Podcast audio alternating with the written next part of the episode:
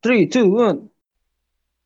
From the adorable place in miserable city, it's Hans. Selamat datang kembali masih di Let's Talk About It bersama dengan Hans Karunia Di episode ke-11 Ya, untuk podcast ini di record di tanggal 3 Oktober 2021 Apa kabar lo semuanya? Semoga tetap dalam kondisi yang sehat Tidak ada masalah yang berarti ya, ya Karena kita seperti sudah kembali ke kehidupan kita yang normal Dan yang gue tahu bahkan perkuliahan tetap muka itu kayaknya udah mulai ada ancang-ancangnya untuk dibuka. Gue kan saat ini lagi lanjut kuliah S2 di salah satu perguruan tinggi yang dibilang sih cukup bergengsi di Indonesia ya. Kampus yang pakai nama negara gitu. Waktu hari Kamis, gue dapet link, link G-Form gitu, di mana gue harus ngisi. Dan memang kata isinya adalah seperti menanyakan uh, kepada mahasiswanya apakah lo tuh memilih untuk kuliah daring atau kuliah luring gitu. Jadi apa kalau kuliah masih sistemnya online gitu ya atau lo punya keinginan untuk perkuliahan kita tuh di jadiin inilah offline tatap muka. Dan juga ada pilihan di mix, di blend. Entah mungkin di blender atau gimana gue ngerti dah.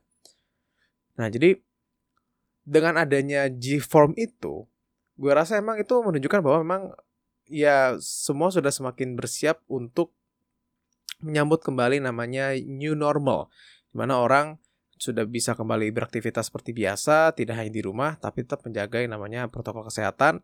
Serta yang paling utama adalah harus, kalau bisa sih udah divaksin ya. Karena salah satu hal yang membuat gue masih ragu apakah gue akan memutuskan untuk kembali berkuliah atau ke kampus gitu ya untuk pertama kalinya gue datang bertemu dengan dosen gue, bertemu dengan teman-teman gue secara langsung. Karena kalau misalnya sampai ada yang belum divaksin kan resiko untuk positif COVID itu ya lebih tinggi gitu dibandingkan kita. Kita aja yang udah udah divaksin dua kali gitu, bisa jadi masih ada kemungkinan kena. Dan ya lo tahu sendiri berapa minggu kemarin banyak berita bahwa Walaupun memang sudah terjadi penurunan yang cukup masif mengenai kasus positif COVID di Indonesia, kasusnya tuh ya sekarang stuck di angka 1000-2000 kasus per hari. Di mana itu bukan sebuah angka yang, kalau gue bilang, gue ngeliatnya itu bukan sebuah angka yang kecil. 2000 kasus atau 1000 kasus sehari, itu kan lumayan gede. Lo kayak, bisa jadi lo ada ada kemungkinan lu mungkin lagi di suatu tempat gitu ya, lagi mungkin rapat atau mungkin sekedar ngobrol sama teman-teman lo gitu ya di suatu restoran atau di mana. Dan kita nggak tahu bahwa ternyata di situ ada orang yang lagi positif gitu.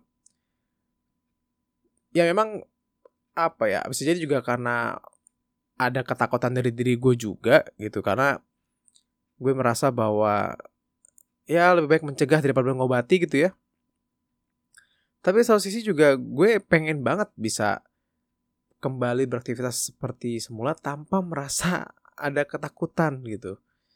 Di mana gue rasa sih masih cukup susah ya.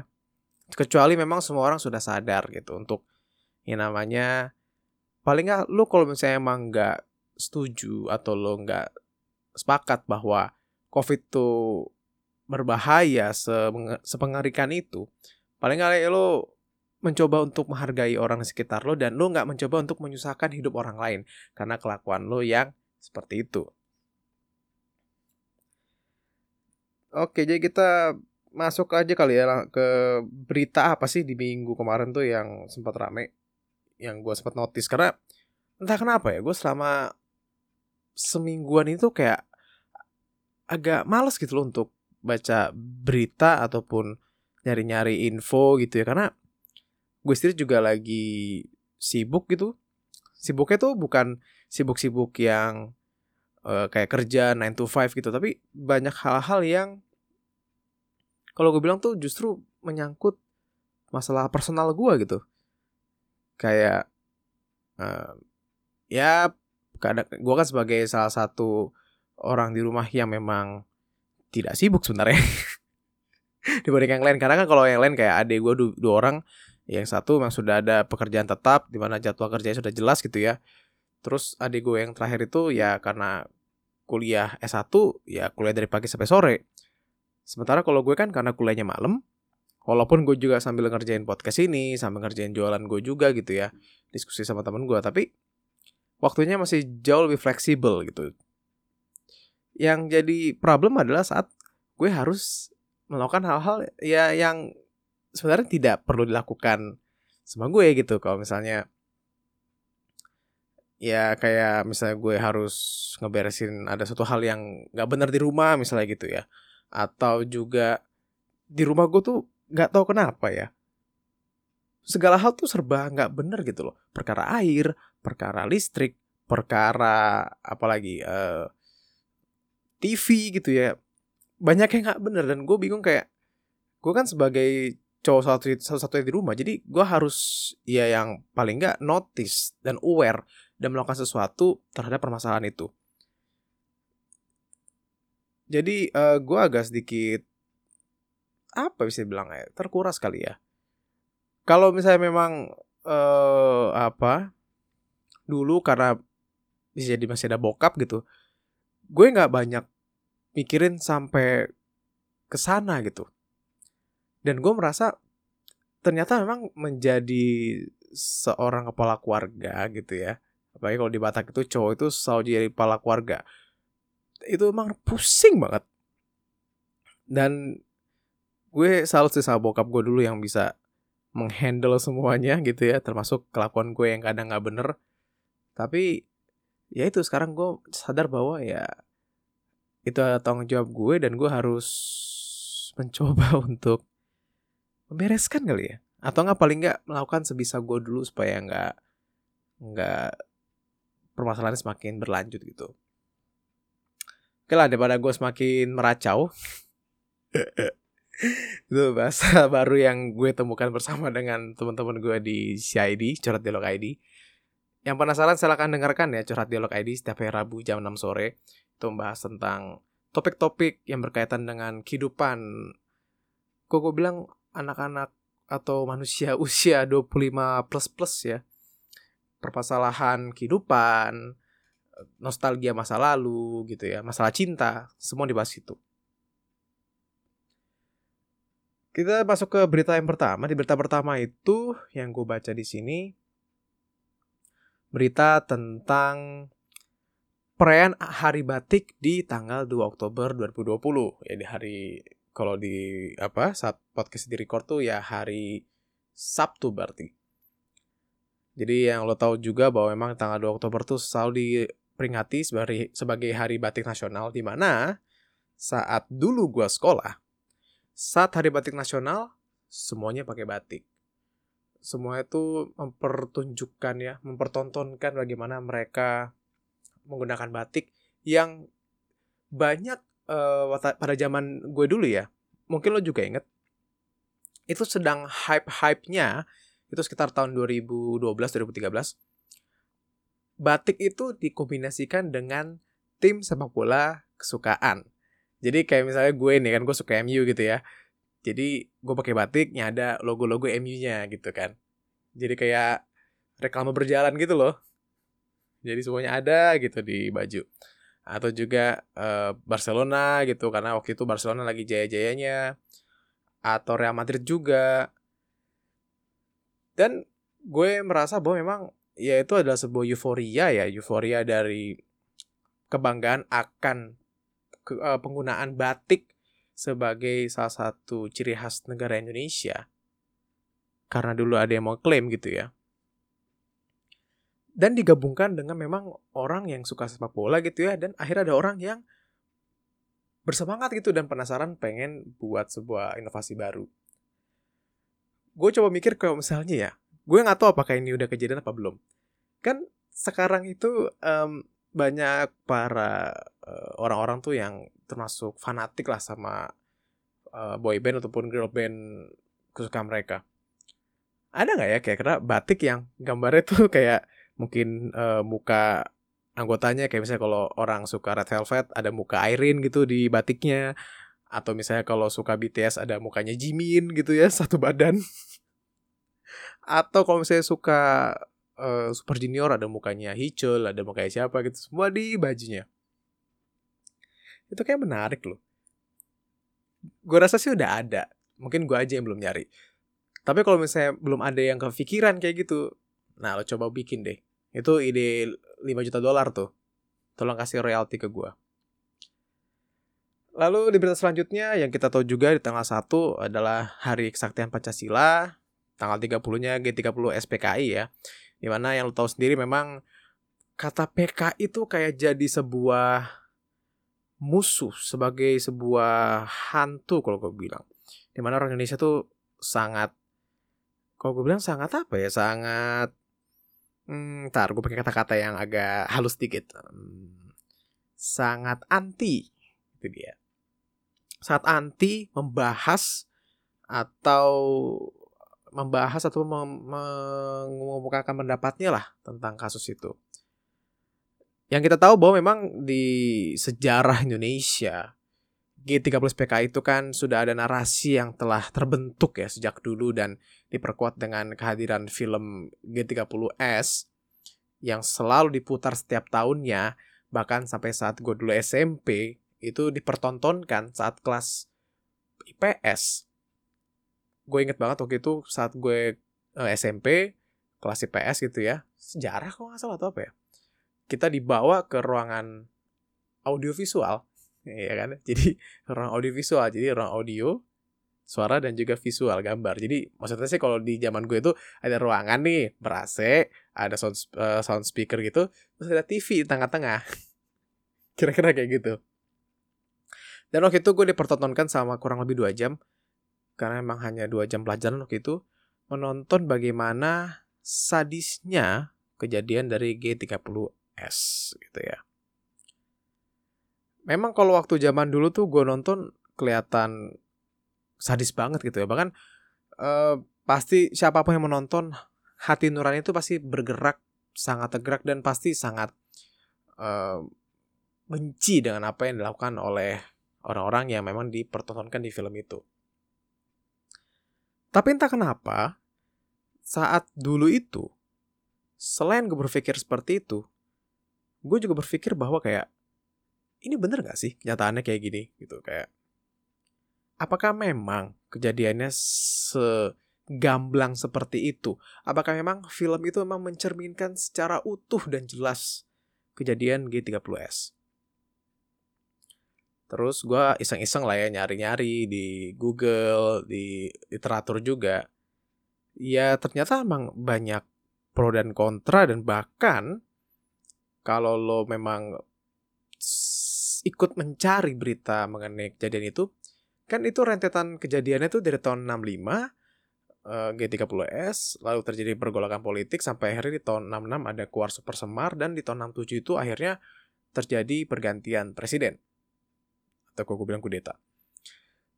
Nah, itu kan uh, sejarah itu panjang banget. Itu gue bilang berhubungan lah di antara ketiga hal yang gue sebutkan tadi. Dan gue langsung berpikir kayak, apakah memang kejadiannya emang seutuhnya seperti itu atau justru ada penggambaran yang lain yang memang digambarkan. Ya, dan dari hasil yang gue lihat memang sepertinya untuk kasus G30S ini ya memang ingin menunjukkan bahwa terdapat sebuah bahaya laten yang hadir dari uh, organisasi terlarang ini. Tapi yang justru gue agak sayangkan adalah kenapa uh, Iya kenapa memang hadirnya ya seperti itu. Jadi artian orang jadi tertutup seutuhnya dengan sejarah itu. Tidak ada keinginan untuk mencari sumber referensi lain yang kayak apakah memang benar kejadian seperti itu, apakah uh, apakah dengan kejadian seperti itu kalau memang benar sejarah yang menunjukkan bahwa terjadi pembantaian terhadap semua orang yang katanya pro dengan organisasi tersebut, apakah hal tersebut layak untuk dilakukan? kalau dalam hati nurani gue gue katakan tuh nggak kayak enggak ya dalam artian itu kan sama aja di dengan genocide, genocide dibalas dengan genocide gitu loh.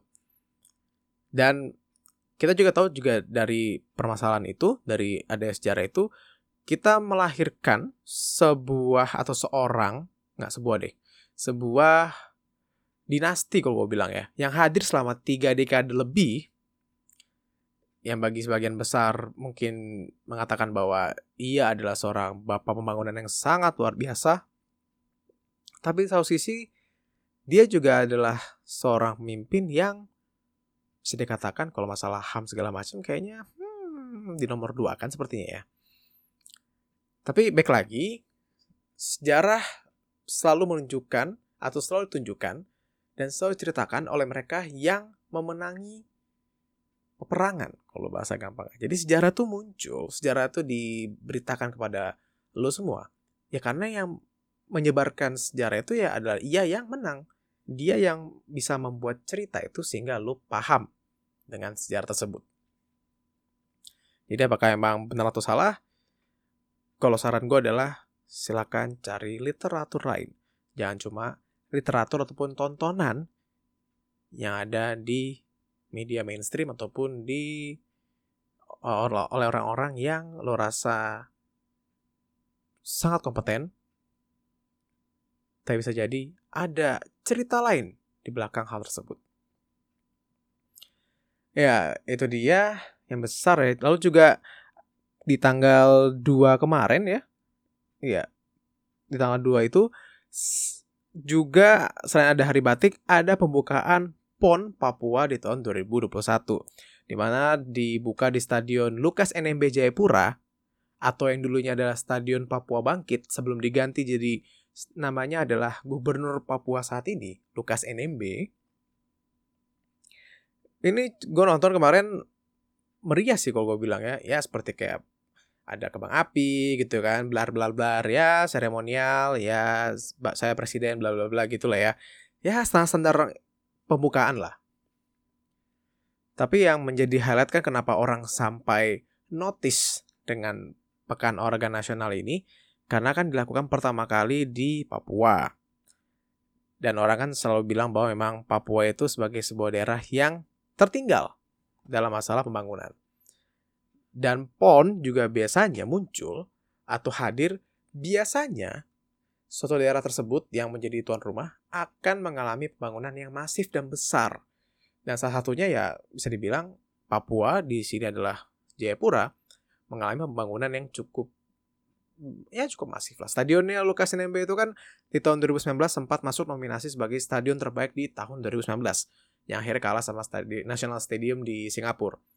Tapi itu kan menjadi sebuah kebanggaan bahwa memang ternyata Indonesia, khususnya pemerintah, memang kalau masalah pembangunan sudah mulai ada pemerataan gitu ya.